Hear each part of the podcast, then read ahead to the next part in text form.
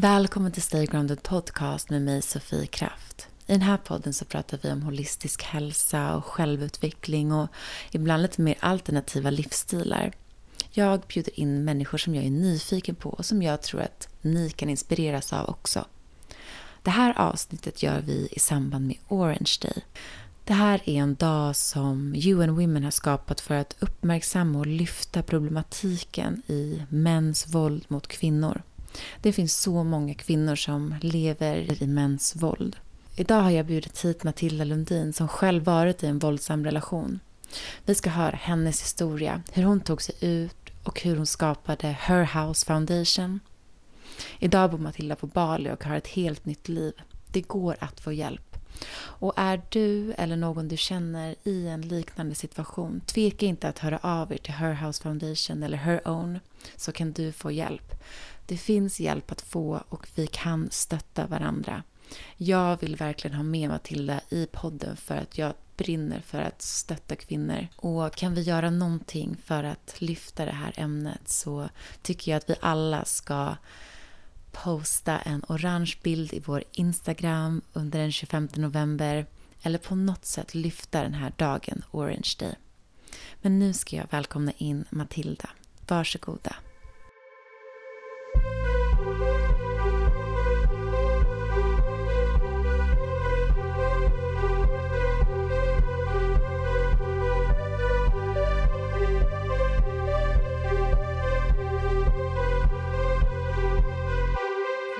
Vi kör igång.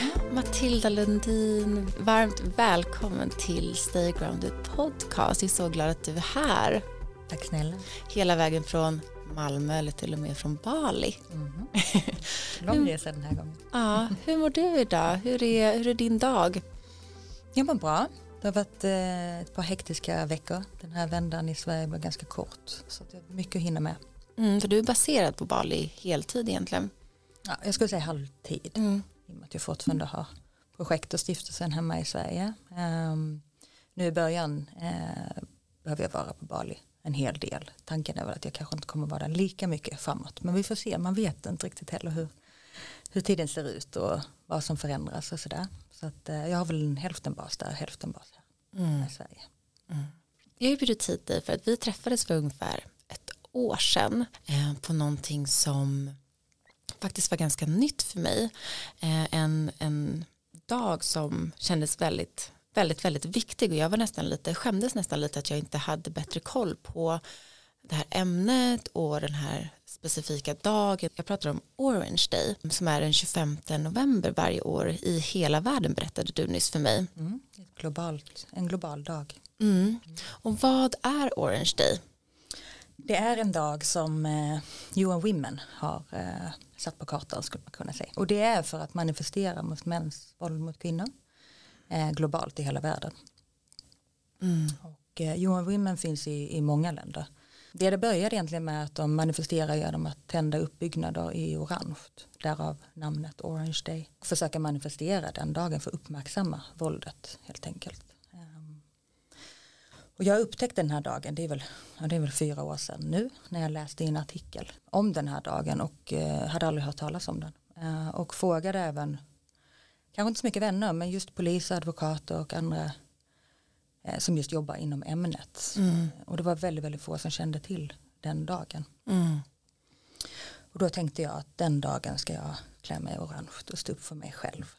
Då jag hade precis lämnat en våldsam relation själv. Mm. När jag läste om det här. Så Orange Day som dag är då för att uppmärksamma våld mot kvinnor i hemmet? Egentligen i det stora hela, om man mm. kollar globalt så är det ju inte bara i hemmen som våldet utan det kan vara könsstympning och ah, våldet okay. sig på många olika sätt. Så att, uh, det är lite skillnad.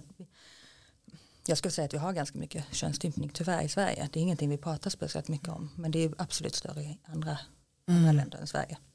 Här i Sverige pratar vi mer om relationsvåld för det är det som är störst så att säga. Ja, det är så, det är så känsligt ämne för det är, det är svårt att prata om och det är svårt att förstå om man själv inte har varit utsatt. Och jag tror att det är svårt att alltså man får ju så mycket empati men det behövs ju lyftas mer.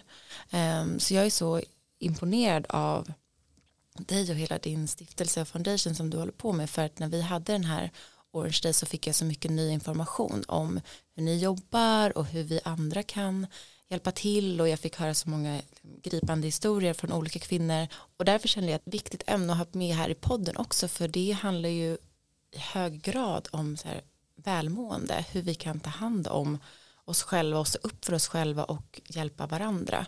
Hur kom det sig att du själv brinner så starkt för just det här ämnet? Um, ja, vi börjar med att och, och tacka såklart för att det behövs eh, lyfta det här ämnet i alla olika forum. Och det gläder mig såklart att du, att du fick ta del av ganska ny och eh, nyttig information den dagen. För det är också därför vi har valt att uppmärksamma och eh, bjuda in såsom poliser eller advokater eller kvinnor som själva har varit med om för att berätta hur våldet ter sig och hur det ser ut. Det är ett av Sveriges största samhällsproblem idag och eh, det är ett väldigt, väldigt komplext eh, samhällsproblem det handlar inte bara om själva våldet bakom stängda dörrar utan vad som händer efteråt och innan och hur många som berörs av det egentligen och lagstiftning i Sverige och annat. Mm. Så jag skulle vilja säga att jag blev väldigt intresserad när jag förstod att det var så mycket i Sverige som inte fungerade inom det här. Um, och jag var inte heller insatt alls i detta förrän jag själv var där. Och det tog lång tid för mig. Menar du där, menar du då i en våldsam relation? Ja, ah. precis. Eh, och det tog till och med ganska lång tid för mig att förstå det i själva relationen. Att, jag, att det var en, en våldsam relation så att säga. Eh, det är svårt att förstå att man själv är där. Det är en del av en skam men också en förnekelse för att man kanske aldrig tänkt sig att man själv skulle hamna där. Eh, jag har själv aldrig sett mig som en, en kvinna som någon säger till vad jag ska göra eller hur jag ska vara. Plötsligt var jag där själv. Mm. Um, har heller aldrig varit speciellt rädd för, för någonting. Så som, eh, jag vet mina föräldrar sa att jag som barn var väldigt, väldigt orädd och, och sa ifrån och tonåren var jag ganska så bitig och kaxig mm. så det var kanske inte det man såg sig själv eller heller inte vänner så än att man skulle hamna där riktigt. Men det är som sagt mer komplext än så. Det börjar ju aldrig med en dejt och ett slag utan det börjar ju med en, en uh, psykisk psykiska våldet helt enkelt som man blir nedbruten av som då inte alltid, men i många fall eskalerar mot annan typ av våld helt enkelt. Mm. Hur såg det ut för dig? Om du vill dela. Mm. Um, jag var utsatt för mer eller mindre hela våldscirkeln. Uh, och det fick jag, tog också tid för mig att förstå det. Uh, för att jag inte visste hur våldscirkeln såg ut och vad det fanns för typ av våld egentligen. Utan våld för mig var väl mer ett fysiskt slag helt enkelt. Och det fick jag hjälp med uh, på relationsvåldscentrum i, i Stockholm som eh, hade funnits i ungefär ett år då. Mm. Men vad är våldscirkeln? Är det, vad menar du med det? det finns det olika typer av mm. våld? Um. Ja, jo det gör det. Absolut, det finns ju till exempel, jag vet till exempel, nu har vi inte gått in och pratat om Her Own så mycket som var ett av mina första projekt. Men, men där, när vi kommer in på det lite djupare senare så um, där var i alla fall en av de första artiklarna jag skrev som handlade om verbalt våld. Uh, och det är det, en av de artiklarna som är läst absolut mest. Uh, så där finns ju, det är inte så många som tänker om det, men det är inte okej okay att använda sig av ett våldsamt språk. Mm. Eller, uh, och det är väldigt mycket mer vanligt i relationer än vad vi tror. Ja. Enkelt. Sen betyder inte det att, att för att man är um, vad ska man säga, våldsam verbalt, att det betyder att, att det eskalerar så att säga. Eh, tyvärr är språket mycket hårdare idag än när vi var unga till exempel. Så är det ju. Men eh, ja, psykisk, psykiskt våld och så är det ju såklart det fysiska våldet men det är ekonomiskt våld och inte så många som tänker på just det ekonomiska våldet men det är egentligen mer eller mindre de flesta kvinnorna är utsatta för på ett eller annat sätt. Materialt våld, um, så att det finns en hel del olika delar i våldscirkeln. Um, och det man brukar säga just för att det kallas en cirkel, om man ska säga det, för att uh, många, många våldsamma relationer ser ganska lika ut men ändå olika. Man, mm. ser, man hittar väldigt... Kan man se samband eller liknelser ja. i folks historier att det börjar på liknande sätt innan det eskalerar? Eller? Ja. Mm.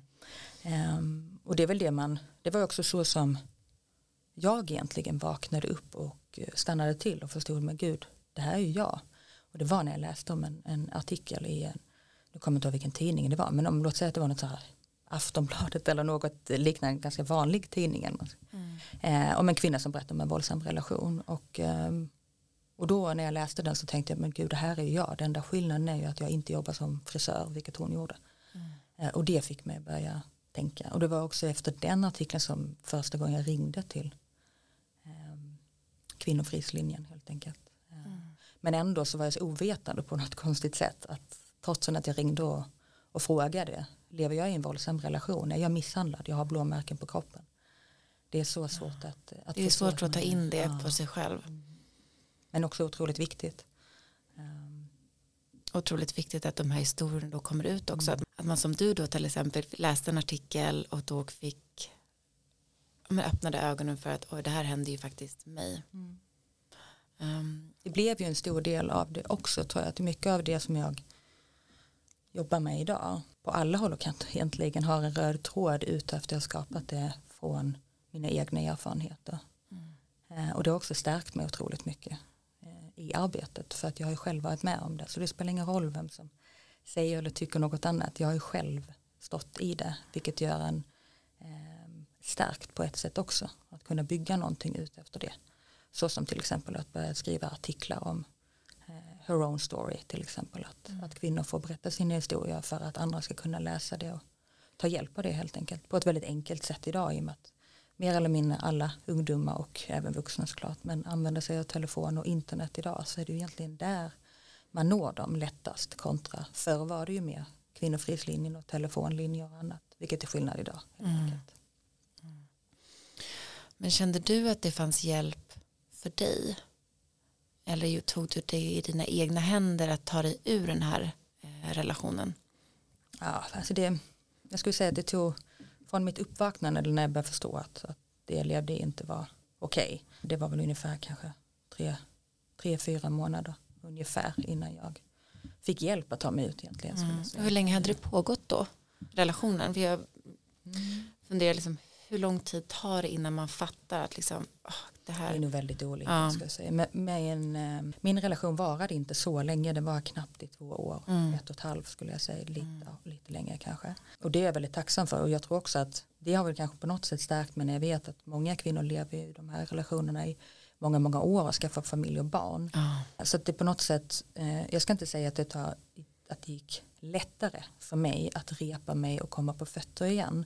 Men det säger sig själv att två år kontra tio år, om man nu till och med som jag brukar uttrycka det, att det, det blir en form av en hjärntvätt mm. om man lever med detta konstant varje dag, att man är värdelös, att man är äcklig och hur det nu det kan te sig till exempel. Mm. Att få lyssna på det i två år kontra tio år mm. är en skillnad eh, till sitt egna medvetande helt enkelt och vakna upp från det. Men eh, när jag kom till relationsvåldscentrum och de kartlagde det jag hade varit med om så sa de att jag hade varit med om ungefär lika mycket våld som en kvinna är utsatt för under tio år. Så det var väldigt, väldigt intensivt. Så att det eh, gick snabbt för mig skulle mm. jag säga. Mm. Och du, du nämnde för mig här innan vi började spela in att din, även din så spirituella resa eh, började i samband med det här. Eh, vill du berätta mer om det? Hur det tog sig form eller hur du kanske upp, vad är det en spiritualitet för dig eller hur det, hur det tog sig form i den, den livssituationen som du var då? Mm.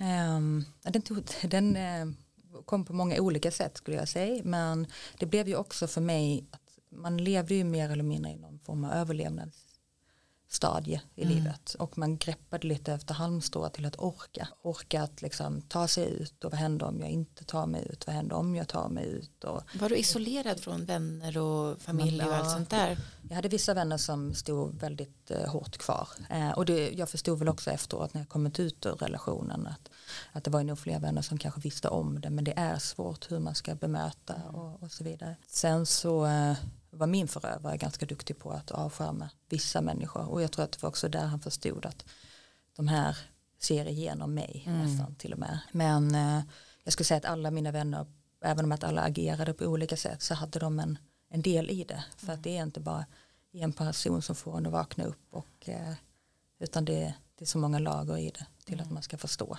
och hitta kraft. För mm. någonstans även om att man har vänner som står runt omkring en så handlar det ju enbart om att ta sig ur det själv um, och förstå det. Sen får man inte heller glömma att det är ju eh, under de åren man lever med en, i en våldsam relation så börjar det ju med kärlek och det är oftast det som eh, man får ett känslomässigt band till ens förövare och bryta det är ju det absolut svåraste eh, egentligen.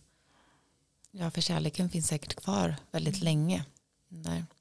Den gör ju det tills, tills man bryter sig ur det och mm. vaknar upp så att säga. Mm. Och uppvaknandet det sker inte förrän man verkligen har lämnat själva relationen och fått distans till det. Eh, och det är en process som man måste gå igenom själv med stöttning och hjälp såklart. Många tror att, att bara man tar sig ur relationen så, så eh, börjar ett nytt Är man klar? Liv, liksom. klar. Ja. Eh, så är det absolut inte. Nej. Utan jag skulle säga att helvetet 2.0 börjar när uppvaknandet kommer i fatten. Eh, för man börjar förstå vad man själv har utsatt sig för. Och där börjar en, en form av en personlig utveckling. Och det, vi alla som har på något sätt snuddat eller gått den vägen vet om att personlig utveckling är oftast ingen dans på rosor utan ren och skär smärta helt enkelt. Så då mm. kommer du från smärtan och så går man nästan rakt in i smärtan mm. igen. Men den är också väldigt, väldigt nödvändig för att eh, bygga upp sig själv igen mm. och förstå. Ja, för jag kan tänka att det måste handla mycket om att kunde jag låta det här ske ja. mig själv. Precis, och det är en ehm, jätte, det är, det är jobbigt. Ja. Och den kan du själv bara, det finns liksom ingen, ingen som kan trösta dig igenom det förutom dig själv. Mm. Och du måste bli din bästa vän mm. i det hela. Mm. Och bygga, framförallt så, jag fokuserade väldigt mycket på att bygga upp min självtillit igen. Alltså självförtroende och själv, eh, det har liksom aldrig kanske suttit där på mig utan mer självtilliten på något mm. sätt. Att, Hur gjorde du det? Ja, det har tagit många år och många, många olika eh, sätt att hitta rätt skulle jag säga. Men jag tror att mycket började när jag väl eh, kom ur relationen så blev det lite två liv. Ett liv att liksom stärka mig själv samtidigt som jag valde att eh, polisanmäla och gå den vägen. Så då eh, var det väldigt, det var nästan som ett, en halvtidstjänst skulle jag säga. Polisförhör och eh, jag levde också med ett personlarm från polisen runt halsen i ett och ett halvt år. Vilket också gjorde att jag var, levde mer eller mindre på flykt. Liksom. Mm. Och det är väldigt svårt att sätta sig in och förstå. Att, ja. att, vara, att leva i, i rädsla konstant helt enkelt. Mm. Så det tog ganska mycket tid. Eh, samtidigt som jag förstod att, att det är bara jag som kan resa mig själv av detta igen. Eh, och jag tror att jag var sjukskriven i drygt ett år. Och det var också där det också alltid väcktes egentligen till att jag är det är viktigt att man vilar när man är sjukskriven såklart men att sitta instängd. Och jag kunde inte göra så mycket heller i och med att jag inte kunde röra mig fritt. Så då blev det att jag satt hemma mycket och eh, är en kreativ själ i, i grunden liksom. så att eh, det var väl egentligen där det, där det började med att liksom, hur kan jag hjälpa andra i det här? Mm. och sen är det lite hur man är som person också. Jag har alltid varit eh, på gott och ont. En människa som sätter andra människor först i rummet som också varit en del av mitt arbete framåt att, att sätta mig själv i första rummet mm. såklart. Men eh, eh, jag får en enorm styrka av att hjälpa andra eh, och det fick en ny mening i allt detta också. Att jag hittar liksom min väg i livet och nästan till eh, för mig var det nästan som att jag förstår varför jag är, är här mm. i människokropp. Mm. Ja. Kanske förstod varför man blivit utsatt för det här för att också kunna sprida vidare Absolut, vilket också gör det, det blir en, en eh, allt har en mening. Eh, det, det, blev liksom en, en, en, väldigt stor läkande process för, för mig. Mm. Men, eh, men jag började läsa jättemycket. Jag har alltid varit älskar. Jag kollar inte så mycket tv och serier men älskar dokumentärer och kunskap. Mm. Och kan verkligen liksom djupdyka och dränka mig själv i det. Eh, på gott och ont det också. Men eh, så allt från säkert många som har läst. Jag tror att jag började, jag fick faktiskt den första boken av en väninna eh, som eh, trodde att jag skulle vara intresserad av att läsa Eckart Tolles böcker. Så att jag började, började där. Mm. Eh, och det var ett ganska nytt för mig och det blev liksom ett väldigt eh, fördjupat ämne. Men allt från att studera ett Gene Keys i två år till snuddat lite på human design men varit mer för Keys. Ehm, men också andra författare och eh, även faktiskt de senaste, de senaste två åren haft en, en, en coach för att utbilda mig i autentiskt ledarskap. Och det är ju en del av en, en eh, personlig utveckling också för att kunna mm. Eh, vägleda på nya sätt helt enkelt. Mm. Ja. Men så var det då när du, när du hade brutit dig loss och du sa din halvtid var nästan att gå på förhör och polis, träffa polis, advokater för att ta del med allt jag vill inte säga att det är praktiska men liksom pappersarbetet och alla sådana där grejer. Och sen den andra delen var att bygga upp dig själv igen. Var det i sambandet då du startade? Her House Foundation. Vad är det för de som inte känner till det? Absolut. Jag tror att det var lite av en kombination av det. Delvis som, vi, som jag eh, berättade att jag var sjukskriven och att jag var eh, eh, behövde sysselsätta mig själv och blev väldigt, väldigt kreativ. Eh, skulle också se det som att det liksom öppnades upp väldigt, jag fick liksom på något sätt någon liten ny kraft av både allt från science till eh, intentioner, vilken väg jag skulle gå. Mm. Um, och all den vägen stärkte ju också mig själv i, i en kombination av alltihopa på något sätt. Uh, och det började egentligen med att, att jag kände att det inte fanns tillräckligt mycket information tillgänglig. Um, att jag också kände att jag var ganska ensam i mm. det. Uh, och att jag ville möta andra kvinnor. Uh, för det vet vi också, kollar man på gruppterapi som fungerar väldigt fint i, i många olika former. Allt från eh, missbrukare till eh, ja, medberoende till vad det nu än kan vara. Och det finns även gruppterapi för kvinnor som lämnar en våldsam relation också. Mm. Eh, och det är vetenskapligt bevisat att mm. det är läkande. Eh, men eh, det som, när detta, nu ska vi se lite tillbaka, det var precis i samma veva som covid. Mm. När jag satt och, och, och spånade på Her Own som var mitt första projekt egentligen. Eh, och då var det ju ganska, eh, vi visste inte riktigt vad vi skulle ställas inför och om vi knappt kunde gå ut från lägenheter. Mm. Eh, och då växte ju nätet på ett helt annat sätt och det kom ju väldigt mycket fint ur, eh, ur tekniken under de åren också såklart. Men eh, då, eh, då ville jag hitta någon form av plattform där kvinnor kunde möta varandra. Så att på något sätt är det inte bara handlar om att få professionell hjälp är otroligt viktig också. Men jag tror att man kan också möta andra och det är en otroligt läkande process. Verkligen, det tror jag tror jag också Jag brukar trycka på det. Jag tror vi alla är varandra så här, lärare men ja. också läkare och healers eller vad man nu vill säga. Jag jobbar mycket med retreat så där gör vi ju jättemycket delningar. Nästan mm. efter varje övning så delar vi liksom, vad var din upplevelse, vad känner du, vad har du gått igenom. Det är där allt händer. Det är där läkningen och liksom magin är när man fattar att så här, gud vi, vi är ganska lika mm. eh, eller olika men jag kanske kan hjälpa dig med det här och du kanske kan hjälpa mig med det här det är så jäkla fint ja absolut jag tror mycket mycket mycket mer på det mm. eh, jag blev erbjuden både antidepressiva både det ena och det andra ja. sen tabletter och annat eh, som jag skrotade fullständigt och det var väl också när jag har aldrig varit så mycket för tabletter i mm. ta knappt en huvudvärkstablett om jag inte måste måste liksom men ehm, det var väl också där jag förstod eller man ska säga att, att min väg att gå är att, att utvecklas personligen istället för att ta antidepressiva och så vidare. Mm. Eh, sen ska vi vara glada att det finns för det är de som också behöver det. Så det, det, det, finns ju olika sätt att ta sig fram. Eh, inget är rätt eller fel. Eh, men jag hittade min väg genom det. helt enkelt. Så att, eh, men det är, jag tror att det är en väldigt stor del att, att inte känna sig ensam. Mm. Och eh, när jag tog mig så kunde jag inte hitta så mycket att läsa om det. Och det man hittade var väldigt eh, vad ska jag säga, svårbegripligt. Mycket nya ord som jag inte alls kände till. Mm. Men det gjorde också att jag började läsa om, om det. Som, eh, får man läsa andras rapporter och sånt där? Får man, alltså får man läsa, jag har inte riktigt koll på regler runt det, men får man läsa polisrapporter? Är det offentliga handlingar? Menar, Efter... Man kanske blir så här, åh, hur, har, hur har de andra gjort eller hur, hur mådde hon eller jag vet inte. Det kan, man kan ju höra av sig till tingsrätten, du måste höra det till rätt Ja, men det är ändå lite komplicerat alla de där ja. grejerna. Så att ha en plattform då som her own.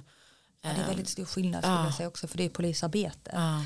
Eh, och det kan absolut vara nyttigt eller man ska säga att läsa en, en, en dom för mm. att se vad som sker och, och och så. Sen är det inte riktigt sannenligt heller. För att de tar ju bara med eh, det som går att döma personen. Så att du får aldrig riktigt helheten vad, hur det har sett ut riktigt. Mm. När man går in och läser tingsrättens förhandlingar så att säga. Men, eh, nej, men jag tror att det var mycket mer att även om att man kanske kom in på kvinnojourer eller kom in på kvinnofridslinjen och sådär så var det inte det var ganska obegripligt. Så kände jag. Att det, var lite, det var mycket ord man inte kände igen som man började fördjupa och nästan eh, som jag ville liksom lättare att eh, ta åt sig på något sätt att förstå. Mm. Um, så att där började egentligen med att Her Own växte fram som en plattform och ett forum. Um, och det lever fortfarande idag? Mm. Mm. Det lever idag men det har tyvärr inte fått så mycket kärlek eh, som vi önskade och var mm. tänkt och det är framförallt för att kort efter det så valde vi att starta Her House Foundation och det är ja. egentligen det som har tagit eh, absolut mest tid men det har också varit ett, ett arbete som är så direkt där vi faktiskt hjälper kvinnor konkret så att säga. Ehm, så att det har, det har vuxit eh, och varit en, en otrolig resa. Mm. Eh, blod, svett och tårar skulle jag säga. Men mm. där, det är det jag brinner för mm. absolut mest. Ja, jag läste det var så fint vad du skrivit. So, my passion, my heart and my life's work, Her House Foundation. Det är, man känner ju att det är väldigt viktigt för dig. Mm. Och har Her House, för jag har ju gått in och läst om, om det och ni hjälper även liksom kvinnor då att, som har kommit ut från relationer att lite med den här slussen, tiden efteråt, hur man kommer tillbaka till sitt som, till ett normalt liv igen eller vad man ska kalla det. Hur, hur ser det ut och hur ser ett arbete ut och vad är det för kvinnor som kommer dit? Mm. Egentligen så börjar det alltid med, som jag nämnde innan, att min egen resa om jag ska säga. Och eh, någonstans så eh, efter min tid så behövde jag, jag ägde en bostad i, i Stockholm. Eh, eh men jag fick inte bo där på grund av skyddad identitet. Och då blev jag även eh, tvingad till att sälja den bostaden och då hade jag ju ingen annan bostad. Ehm, och där, nu fick jag hjälp av vänner och familj till, till en, en ny bostad. Men ehm, så är det ju inte för alla. Nej. Och det var väl någonstans där jag började tänka att det är inte alla som har dem, den hjälpen eller kontakterna. Nej. Hur fungerar det här? Och då började jag nysta lite i det och förstod att här fanns ingen hjälp alls. Är det så? Var det, alltså, det är ju helt... Det är de enda i hela Sverige egentligen som hjälper till med Det är helt otroligt. Så det var väldigt chockande. Oh, och chockande blev jag också väldigt arg. Oh. Jag tänkte mitt hjärta brinner för alla de här kvinnorna som har varit liksom mer eller mindre tvingade till att lämna sina egna hem. Vad gör folk? Jag blir jätteupprörd. Jag förstår det. Man ger ju till, och med, det... till och med liksom, eh, kriminella ibland så här, eh, bostäder som ni kan bo när de kommer tillbaka till att börja jobba igen. Typ. Men det mm. finns inte det för men gud, Nej, det här har fallit ja. mellan stolarna för ja. socialtjänsten. Så är det bara. Ja. Ehm, och, ehm, och jag trodde heller inte riktigt att det var sant för så jag kunde inte riktigt begripa det. Ehm, så att jag grävde ganska djupt och tog kontakt med organisationer, tog kontakt med socialtjänsten, lyssnade på massa poddar och, och sådär. Mm. Eh, för att få rätt information. För att det var nästan så att, men vad gud. Men det känns som ett hål. Det är som ett jättehål. Ja. Och man tänker, så väl jag alltid sett det på, på Sverige tidigare. Att det är ett bra land och här får man hjälp och så vidare. Dock har jag liksom aldrig hamnat utanför samhället tidigare i mitt liv förrän när det här hände. Eh, och då förstod jag att men gud, här är inte så mycket hjälp som man kanske tror och som man, jag tror att många tar för givet. Mm. Så det, där finns väldigt fin hjälp. Eh, kanske inte i alla kommuner tyvärr. Fast det är uppdelat i kommuner och det finns det olika hjälp per kommun. Det finns också olika eh, jourtillgänglighet och eh, polisen jobbar olika och, och så vidare. Så det beror helt och hållet på var i, i landet du bor helt mm. enkelt. Men eh, kvinnojourer har vi gott om. Eh, så att det, jag ska inte säga att det råder någon brist där att få den hjälpen. Eh, kan man oftast bo där då också? Ja, sen är det ju socialtjänsten som bedömer hur länge du får vara ja. på, på jouren. Mm. Eh, och det ser vi idag att det har minskat antal dagar för kvinnorna och det är ju på grund av att våldet har ökat. Så det är fler kvinnor som tar sig till kvinnojourer. Mm. Eh, och detta kostar ju pengar för staten helt enkelt. Därför är det också otroligt viktigt att kvinnorna får en bostad efteråt helt enkelt. Eh, och ehm, så att egentligen, det, det började med att jag frågade en, en vän till mig som har ett fastighetsbolag i, i Skåne och hörde mig för med honom för jag vet hur det fungerar i Stockholm. Här kan du stå i en livstid i kö innan du får en, en hyresrätt. Mm. Um, och många gånger så är det inte så, så lätt för att kvinnor till exempel, inte alla som har haft en bostadsrätt eller kan köpa en bostad och i många fall så är man ju till exempel sjukskriven under den perioden och då är det inte jättelätt att få lån så mm. det första steget är ju en hyresrätt egentligen för att komma på fötter. Ehm, och då frågade jag honom hur fungerar det med de privata fastighetsbolagen? Eh, kan ni låta vem som helst gå före kön? Jo men det bestämmer vi själva.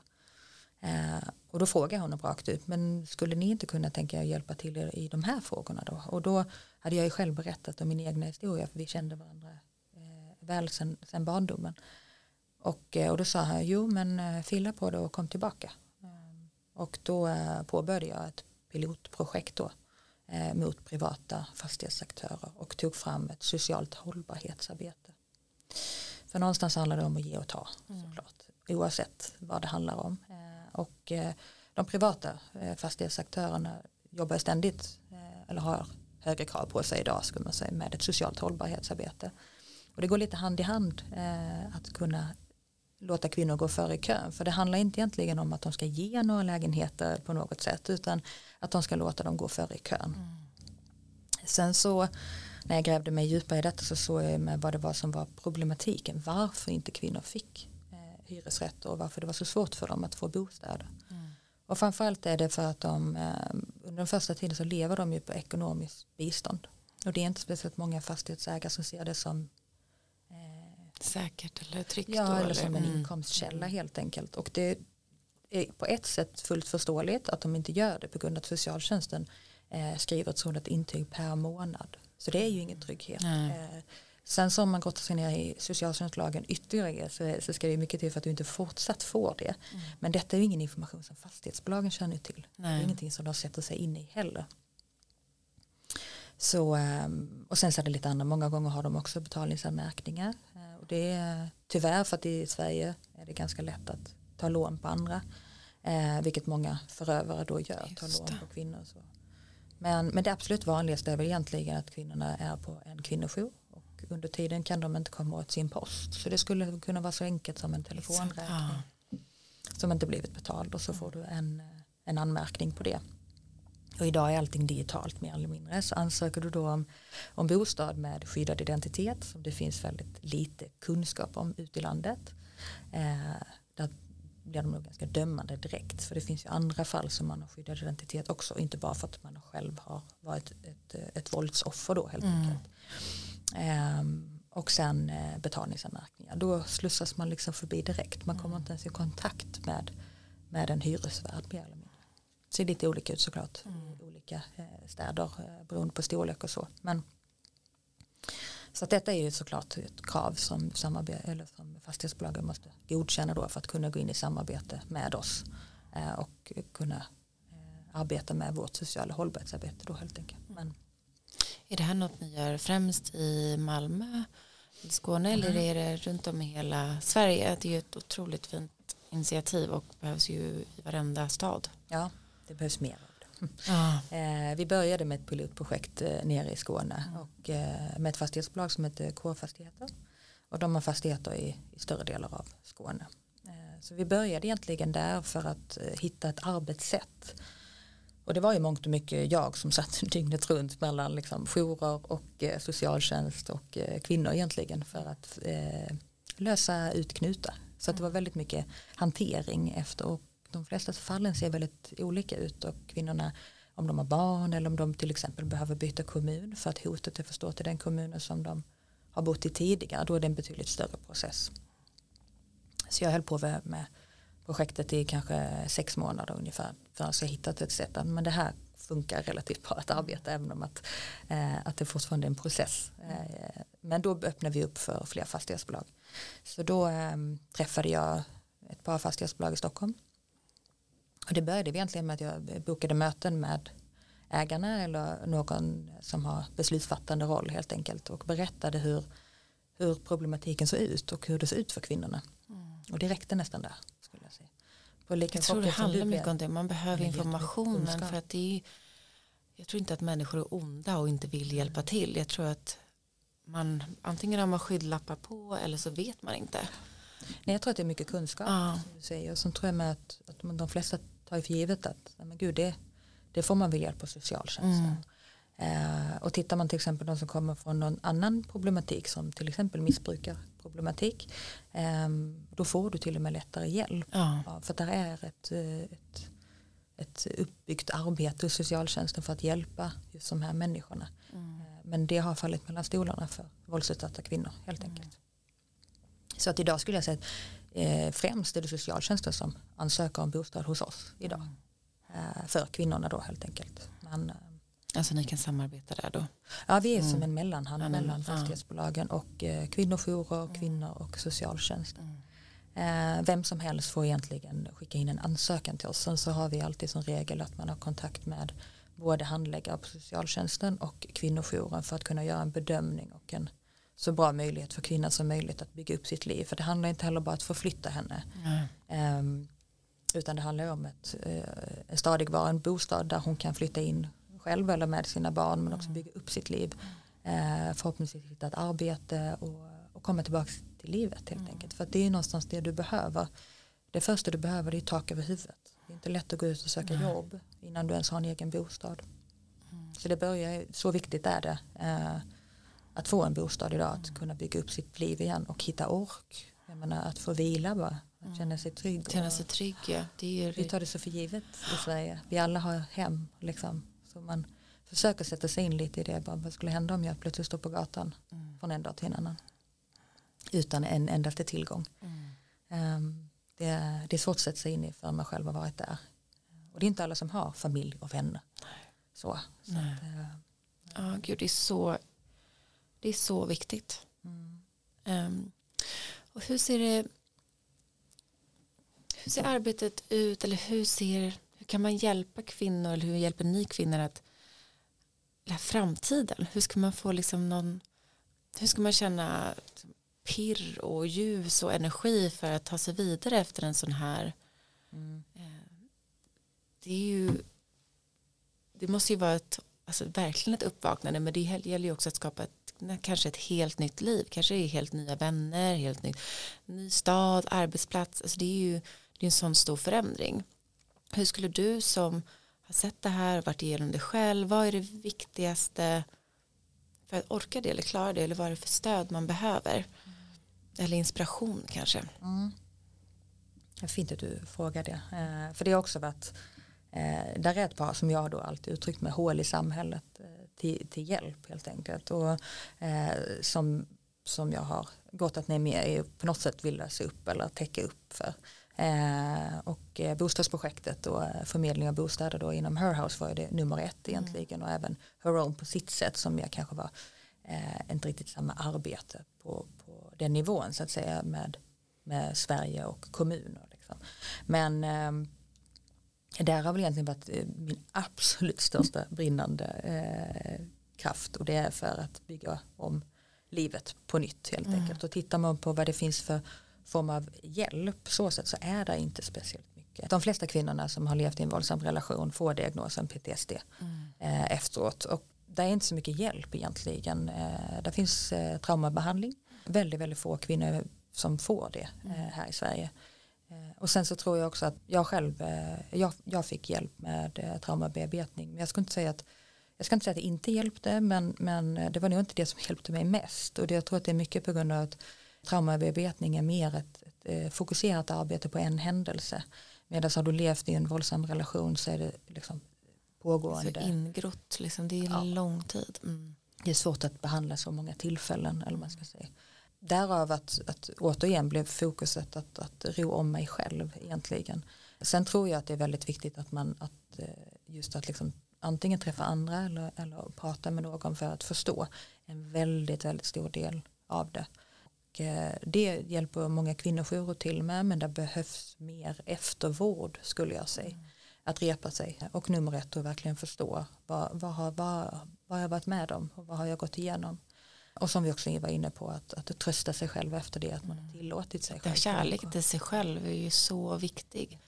Och det finns där väldigt, väldigt få. Eh, så det är sen dag ett skulle jag säga att det är något som liksom uppe i min hjärna dagligen mm. där jag funderar ut vad, vad, kan vi göra på för det måste också vara tillgängligt för alla. Det, jag menar, det finns otroliga retreats och, och annat som vi kvinnor kan åka på idag som är liksom självkärlek och men det är inte alla som har råd att åka på retreat till exempel mm. utan att man behöver hitta ett sätt eh, att nå ut till allt och alla men man bottnar ju ändå i det att oavsett vad du har för verktyg eh, och vad du får för hjälp så är det bara du själv mm. som kan ta dig dit och mm. ta dig igenom det med hjälp och stöttning av andra såklart. Jag tror att det är också en del där vi inte kanske har pratat så mycket om.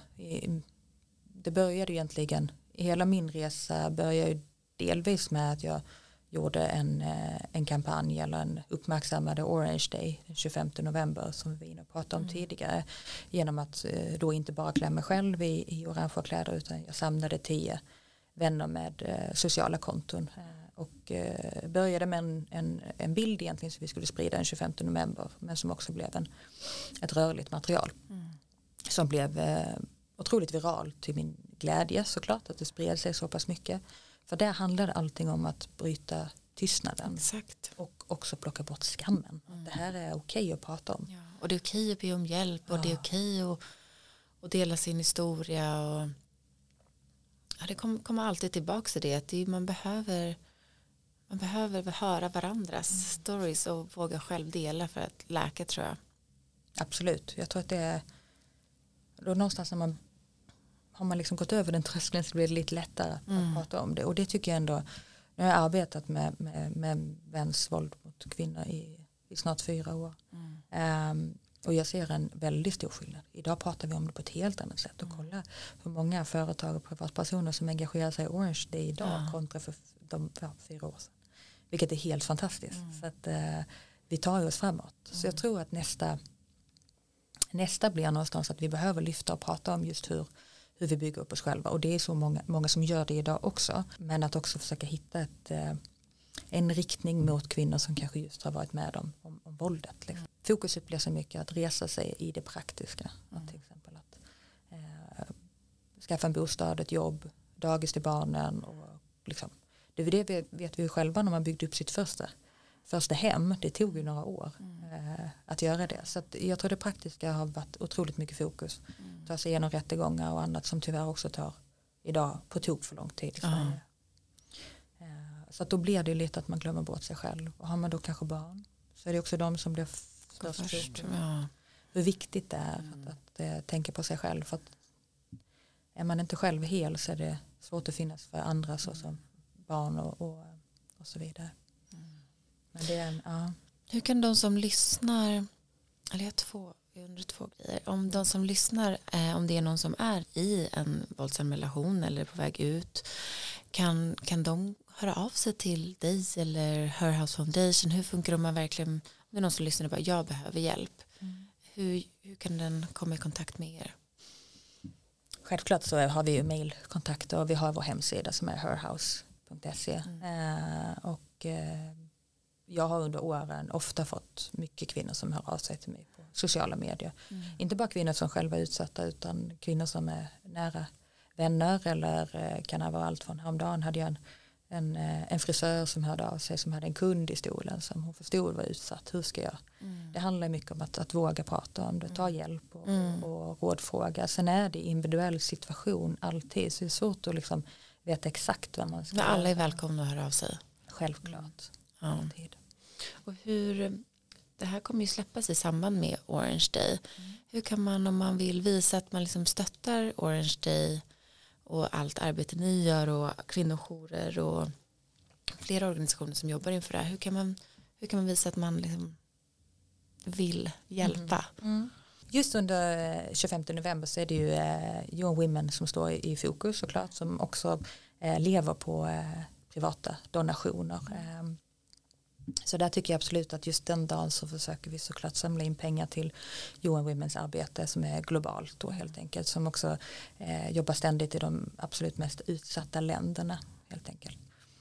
Men eh, överlag och dag, dagligt så har vi ju kvinnoforum mer eller mindre i varje hörn tänkte jag säga men många städer finns det en kvinnojour som man delvis kan stötta ekonomiskt. Eh, man kan också höra av sig till dem då är så att de behöver någonting. Det kan väl vara att de behöver så kläder och ja, hudvård och I don't know, om man inte har det finns ju så många sätt att hjälpa tänker jag. Mm. Om man inte kan eh, ekonomiskt kanske du har du kanske jobbar på ett företag som gör schampo, jag vet inte ja. men liksom, allt, all hjälp är väl Jag, bara, jag vill bara hjälpa till. Ja, jag förstår det. Ja.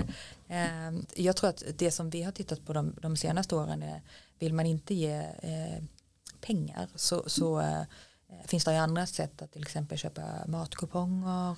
Det behöver då vi alltid mm. så sett vem den handlar om.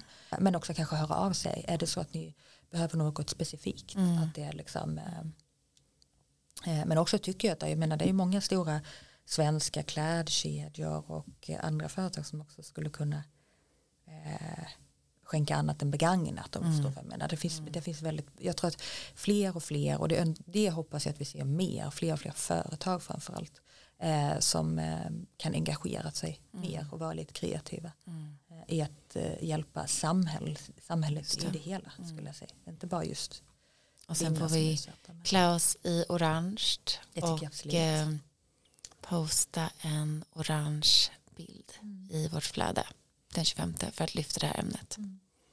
Det tycker jag vi alla som lyssnar ska göra. Ja det tycker jag absolut. Man kan tänka det är precis som rosa bandet. Mm. Det, är, det, är, så pass enkelt att stödja mm. genom att, att köpa en, en, en rosa rosett och ändå bara visa att man stödjer det. Eh, man ska Exakt. se det lika enkelt med, med orange det är egentligen att, att man kan bära något orange eller lägga ut en orange bild. Mm. Eller, det behöver inte vara så komplicerat Nej. utan bara visa att jag står upp för det här. Ja. Jag är medveten om att det här är ett stort problem. Eh, och, och ju fler vi är desto fler når vi och då kanske vi kan se större förändringar. Som känner en trygghet av att folk står upp för det. Ja. Som kanske är fast och inte vågar ta sig ut. Mm. Eller så. Mm. så att, um, det måste vi göra. Mm.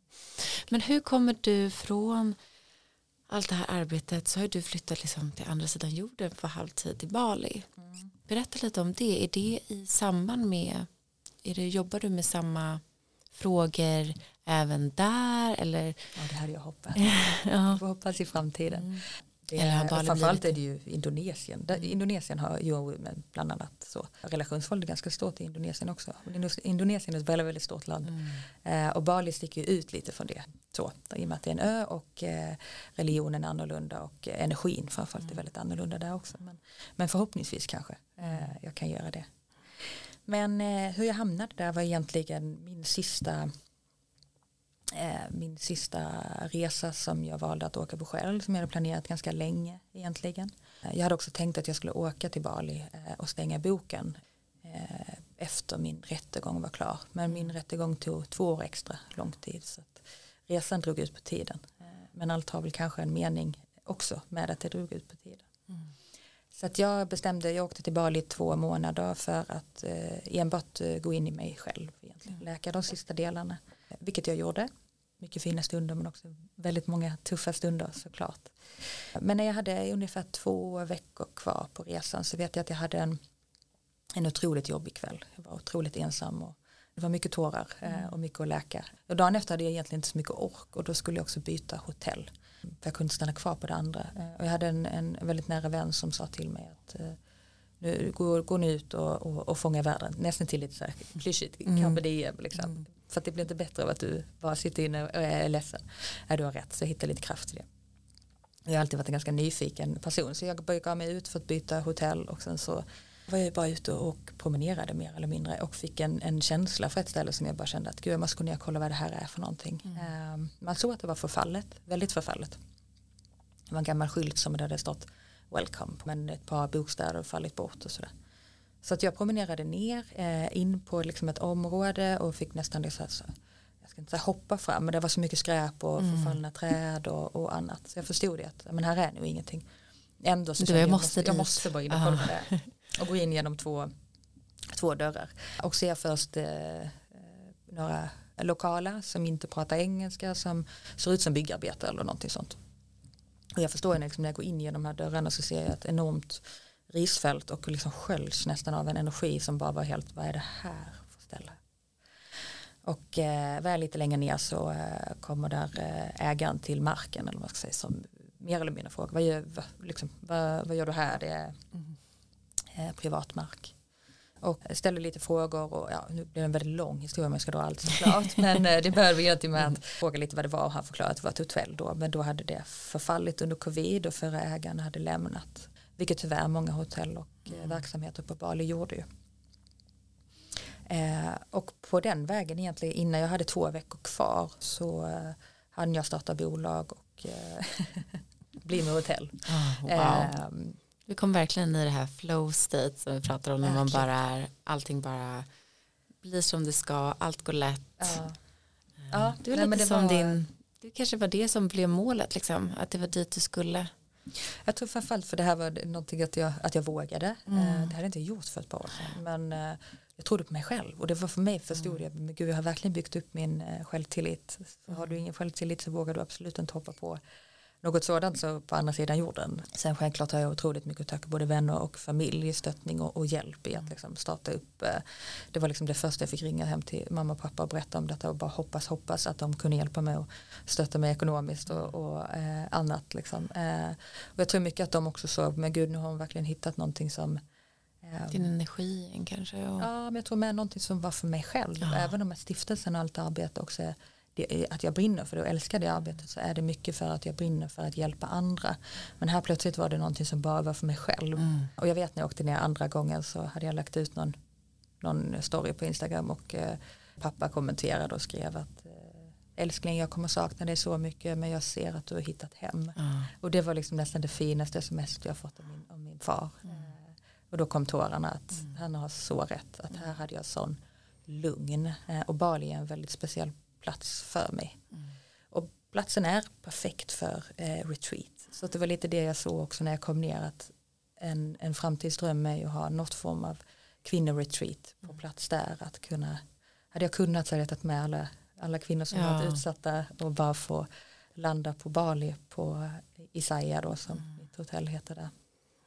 Så det hoppas jag att det blir i framtiden. Men nu är allting så nytt så jag får börja driva verksamhet och ja, jag har mycket att som jag kan skapa där helt enkelt. Mm. Gud vad fint. Det blir, det blir som att det blir ett lyckligt slut, även fast ja. inte ett slut. Det är liksom en lycklig början till, ja. till nästa steg. Liksom. Mm. Jättefint. Men det är väl kanske det man vill visa på något sätt också. Att det går. Att det går att bygga upp livet på nytt. Och jag skulle nästan eh, säga idag att jag har nog aldrig varit så här lycklig. Mm. Eh, att det är, eh, man önskar liksom ingen att gå igenom helvetet men att ta sig igenom elden på något sätt. Att mm. plötsligt börja uppskatta eh, vad ska man säga, det lilla i livet. Och det krävs nästan att man går igenom någonting, behöver smått som stort. Mm. Men att verkligen uppskatta det där lilla och kanske släppa taget om det materiella livet som jag själv levde mm. väldigt djupt i. Eh, och lycka låg väldigt mycket kring materiellt och eh, status och pengar och allt vad det innebar liksom förr till att eh, på något sätt skala av allt det och börja om på nytt. Då, kanske också börjat om mitt nya jag, mitt vuxna jag, liksom, där jag på något sätt trivs som bäst. Mm. Mm. Ja, vad fint. Ja, så tack snälla Matilda för att du har varit här och delat med dig av din dels historia men också ert viktiga arbete med Her House och Her Own och jag vill ju bara åka till Bali nu och skapa massa retreats i ditt fina hotell. Tack snälla för att komma, det är alltid trevligt att få att sitta och prata om de här ämnena även om att de är tunga och jobbiga mm. så, är det, så glädjer det mig att, att andra vill ta upp det för att det är en stor hjälp på vägen. Mer hjälp än vad man kanske tror. Mm. Det faktiskt når ut till fler och fler. Ja, jag hoppas att fler vågar, vågar dela sin historia. Det är så vi kan hjälpa varandra. Absolut och finnas där för varandra för att det, det väntar någonting väldigt mycket bättre utanför en våldsam relation. Även om det kanske inte alltid känns så när man lever i det. Men, men vi klarar det. Det gör vi alla. Vi klarar det tillsammans. Ja. Stort tack. Tack snälla.